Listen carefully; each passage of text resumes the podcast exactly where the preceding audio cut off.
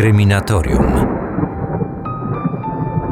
Nasza historia będzie mieć miejsce w dużym mieście w południowej Polsce. Dzielnica zapadłych kamienic komunalnych. To tu dorastał Janusz B., który będzie główną postacią tego odcinka. Ten facet y, był psem na baby. Wiedzieli to wszyscy, którzy go znali. Przez tę słabość od zawsze miał problemy. Zwłaszcza jak popił, bo wtedy najbardziej brało go na amory. Gdy już któraś wpadła mu w oko, nie odpuszczał, aż dopiął swego. Choćby siłą. Nie pamiętał nawet zbytnio, kiedy po raz pierwszy trafił za kratki. Sporo tego było. A to włamy, a to trzeba było kogoś naprostować przy użyciu pięści. Tak się żyło w tamtym świecie. Kryminatorium. Otwieramy akta tajemnic. Janusz B. miał fach w ręku. Był ślusarzem, skończył zawodówkę. Wtedy jeszcze nie wiedział, że umiejętności, które nabył, bardzo mu się przydadzą. Dopiero z czasem zdał sobie sprawę, jak wiele potrafi. W latach 90. XX wieku w Polsce szalało bezrobocie. Pracy było jak na lekarstwo i za psie pieniądze. Wtedy Janusz poznał konkretnych ludzi, dla których wykonywał zlecenia, czyli otwierał zamki. Włamywał się do sklepów z elektroniką, z drogą odzieżą i do jubilerów. Interesy robił z różnymi osobami. Czasem byli to przybysze ze wschodu, którzy tu zarabiali, czasem nasi. Rozszerzył także zakres swoich usług. Nauczył się otwierać i odpalać auta bez kluczyków. Wspomniane lata 90. to także czas, kiedy w Polsce kwitł mafijny biznes. Policja dopiero uczyła się z nim walczyć. Gangi czerpały gigantyczne zyski z kradzieży i przemytu, równolegle ostro rywalizowały o wpływy. Mnożyły się zamachy, pułapki, a pod autami wybuchały bomby. Janusz Fachura, bo taką miał ksywę, świetnie odnajdował się w tamtych realiach. Ponieważ potrafił naprawdę sporo i był konkretny, roboty nie brakowało. Raczej nie brudził sobie rąk przemocą. To robili inni. On jedynie otwierał zamki, no i oczywiście wynosił co cenniejszy towar. Były to dla niego złote czasy. Miał pieniądze, młodość i kobiety, których pragnął nad życie. Na powodzenie nie narzekał. Był dość przystojny, jakby panna Grymasiła miał w zanadrzu argumenty, które zadziałały na większość kobiet, a mianowicie zwitek pieniędzy i atrybuty. Przed klubem czekał dobry Mercedes, a na stole zawsze stała butelka markowej whisky. To wszystko powodowało, że dziewczyny same się do niego kleiły. Nie musiał wiele robić, a nawet jeśli któraś by się sprzeciwiła, wystarczyło być bardziej stanowczym. Gdy odmawiała, brał na siłę, choćby i przemocą. W rzeczywistości te, na które trafiał, lubiły to i ulegały. Janusz nie znał słowa nie, a swoimi podbojami lubił się przechwalać. Bez skrępowania rozpowiadał, ile to on miał kobiet. Podkreślał, że taki z niego ruchacz, że mógłby i nawet dwie godziny bez przerwy. Chwalił się, że pewnego razu zawitał do niemieckiego burdelu, gdzie naraz trzy panienki zaliczył. Nieraz wspominał także, jak zmusił do seksu autostopowiczkę, studentkę, którą podwoził do miasta na egzamin. Najpierw musiała zdać u mnie. Gdy zaproponowałem jej seks oralny i odmówiła, złapałem ją za kark i zagroziłem, że uduszę. To wystarczyło. Widać, czekała na to. Tego typu opowieści ruchacz, bo taką drugą ksywę nadali mu koledzy z półświadka, zawsze miał pod dostatkiem. Tylko jedna kobieta zawróciła Januszowi na dłużej w głowie. Beatka. Piękna i seksowna sąsiadka z kamienicy położonej obok jego rodzinnego mieszkania. Wspólnie się wychowywali i oboje znali smak biedy oraz twardego życia. Może dlatego miał do niej sentyment. Gdy pewnego dnia podjechał swoim Mercedesem, Beatka wyglądała na bardzo zaskoczoną. Niedługo później została jego dziewczyną. Spotykali się na seks i imprezy. W odróżnieniu od innych, Beatki nie rzucił z dnia na dzień. Naprawdę ją lubił. Wydawało mu się, że ona rozumie go znacznie lepiej niż inne kobiety. Nie znaczy to bynajmniej, że był jej wierny. Nic z tych rzeczy. Zdradzał ją na prawo i lewo, nawet kiedy byli razem na imprezie. Zresztą i Beatka nie grzeszyła lojalnością. Lubiła flirtować. W zanadrzu, na wszelki wypadek, trzymała sobie byłego partnera. W Januszu kręciła ją jego pewność siebie i namiętność. Podobał jej się jako facet. Owszem, miała także sentyment do wspólnego dzieciństwa, ale znacznie większym fetyszem były pieniądze, a tych Januszowi nie brakowało. Sypał groszem podczas wspólnych imprez. Stawiał drinki, zapraszał na kolację, fundował taksówki i kupował prezenty. Niczego jej przy nim nie brakowało. Wiedział, jak zatroszczyć się o kobietę. Facet z klasą, jak to się mówi w żargonie dziewczyn, do wynajęcia. Wszystko to trwało jakiś czas. Wydawało się, że może być tylko lepiej. Niestety, Janusz oprócz seksu miał i drugą namiętność alkohol. Nie miało znaczenia, czy to polska wódka, czy zagraniczna whisky. Pił coraz więcej, a potem dostawał małpiego rozumu. Raz, gdy był porządnie napity, zażądał od Beatki seksu. Odmówiła. Wtedy wpadł w szał. Uderzył ją pięścią w twarz, krzyczał, ciągnął za włosy w kierunku swego krocza. Zdołała się wyrwać, uciekła z pokoju. Nie wróciła na noc. Potem nie widzieli się dłuższy czas. Co prawda wydzwaniał i przepraszał i już miała przebaczyć, ale nie zdążyła. Janusz po pijanemu spowodował wypadek. Potrącił człowieka i próbował uciec z miejsca zdarzenia. Zatrzymali go inni kierowcy. Przy okazji wyszło na jaw, że auto było kradzione. W środku znaleziono marihuanę i amfetaminę. Po nitce do kłębka policja prześwietliła całą dotychczasową przestępczą karierę Janusza B. Udowodnili mu kilka włamań i udział w rozboju. Usłyszał wyrok 15 lat więzienia. Minęły lata. Janusz B. wyszedł na wolność, by zmierzyć się z nową rzeczywistością. Po ówczesnym życiu nie było śladu. Przepadli znajomi i pieniądze. Wszystko się zmieniło. Dawnych gangsterów i bossów zastąpili fachmani od przestępczości gospodarczej, oszustw podatkowych, handlu wierzytelnościami i reprywatyzacji kamienic. Janusz wrócił na stare śmieci. Wprowadził się do mieszkania po zmarłej matce i ojcu, alkoholiku, które znajdowało się w rodzinnym mieście. Miał już ponad 50 lat, ale werwy mu nie brakowało i jak dawniej był spragniony seksualnych ekscesów. Na osiedlu odświeżył lokalne znajomości ze zbieraczami złomu i butelek. Zakolegował się z amatorami tanich trunków, spędzając czas na ławkach. Szybko odnalazł się w tym towarzystwie. Czas spędzał pijąc i gawędząc. Dorabiał zbierając złom i makulaturę. Czasami trafiło się także trochę zleceń ślusarskich. Na skromne życie starczało. Wtedy w jego życiu znowu pojawiła się Beata. Z trudem ją rozpoznał. Czas nie obszedł się z nimi łaskawie.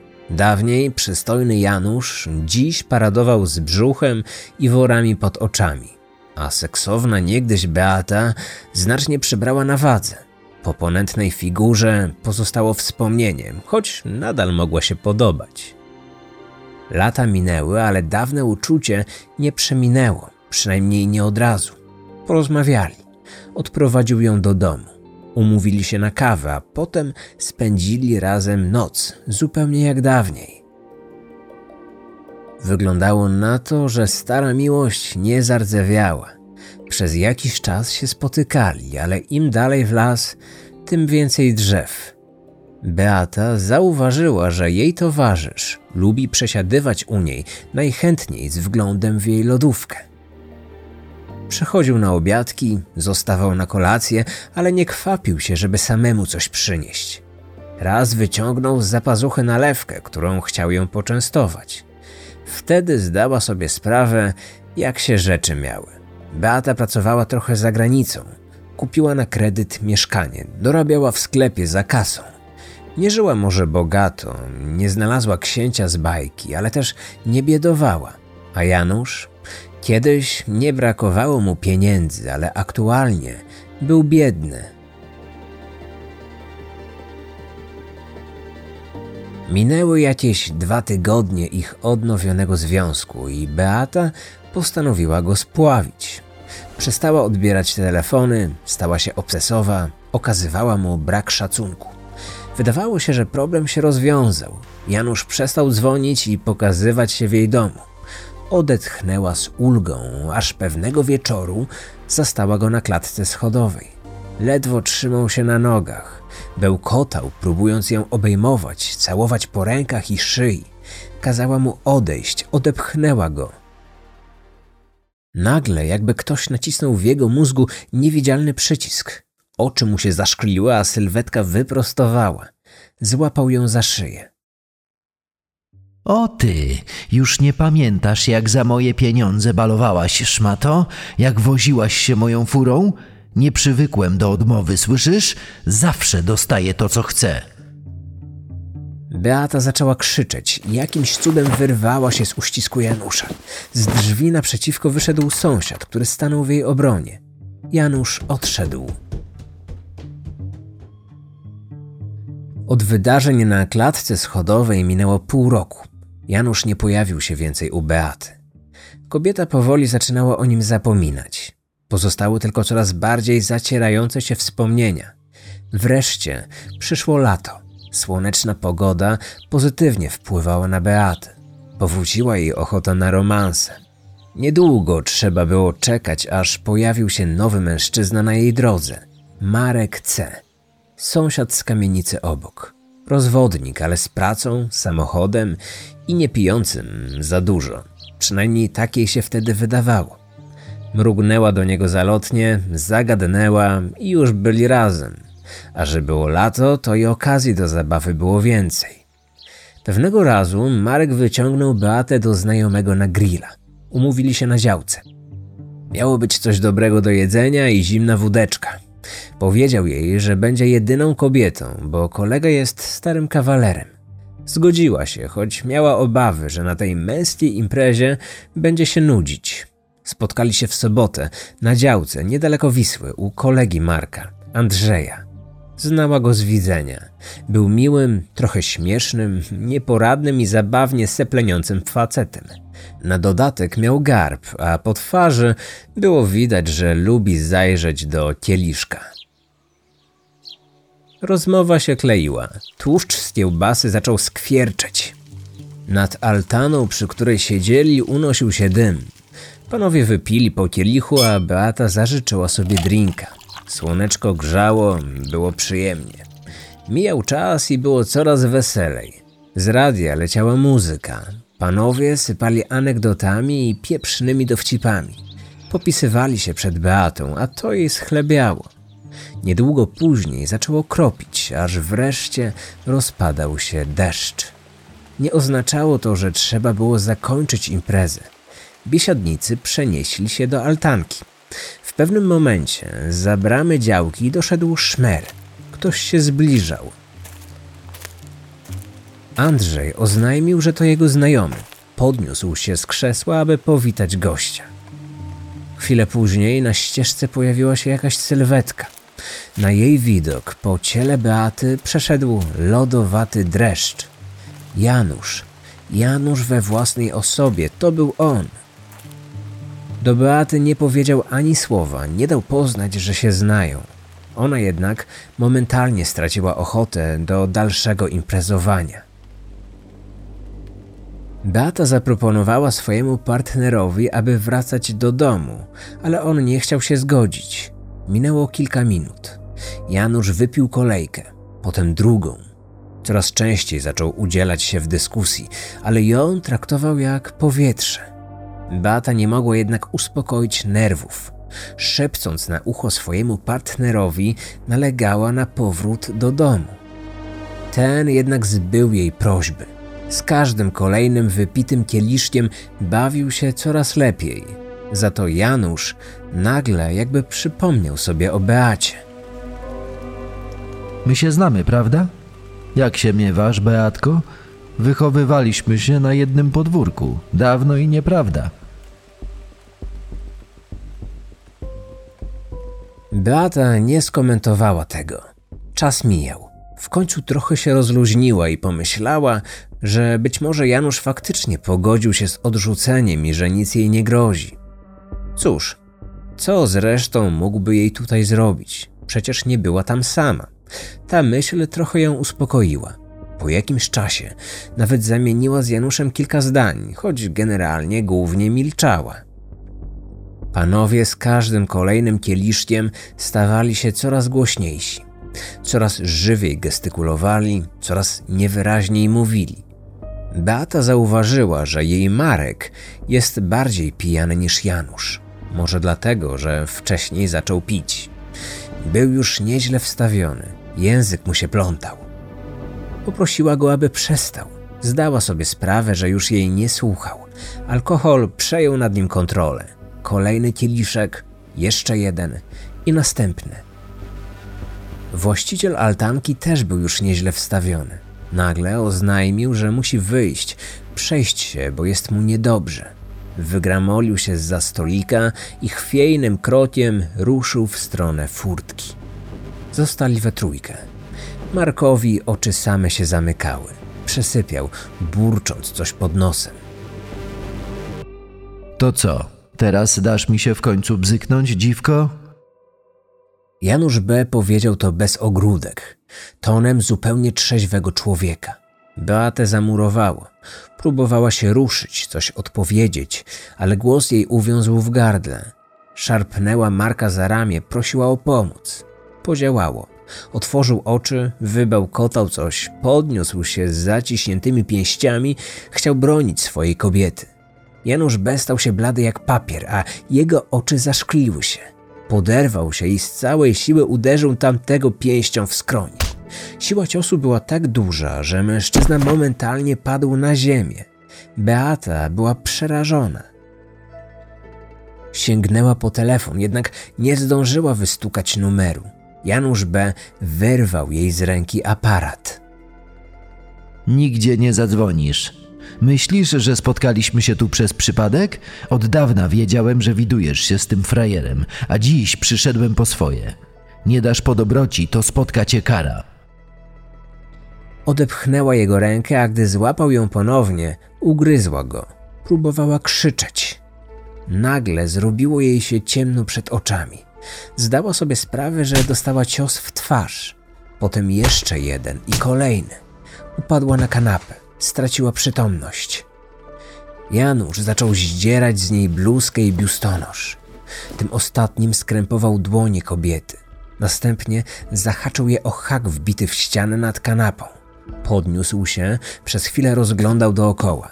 Podszedł do półki z narzędziami i środkami chemicznymi. Szukał tam czegoś, aż w końcu znalazł to, co go zainteresowało. Rozpuszczalnik. Było go tam kilka butelek. Miał tępy, nieobecny wyraz twarzy. Nachylił się nad kobietą z zakrwawioną od ciosów twarzą, leżącą bez przytomności na kanapie. Rozlał na nią płyn. Potem sięgnął po kolejną butelkę. Część wylał na podłogę, część do kubła na śmieci. Na szafce znalazł też puste puszki po dezodorantach. Wrzucił je do kubła. Wyjął zapalniczkę, podpalił kawałek gazety. Płonący papier podłożył tuż pod kanapę. Ogień niespiesznie wspinał się po narzucie. Jednak w drugim kącie pomieszczenia coraz mocniej buchał z kubła, przy którym leżał nieprzytomny, znokautowany mężczyzna. Janusz B. zamknął drzwi do altanki. Po chwili eksplodowały nagrzane dezodoranty. Języki ognia coraz wyraźniej tańczyły we wnętrzu. Mieszały się z kłębami dymu. Janusz B. sięgnął po papierosa.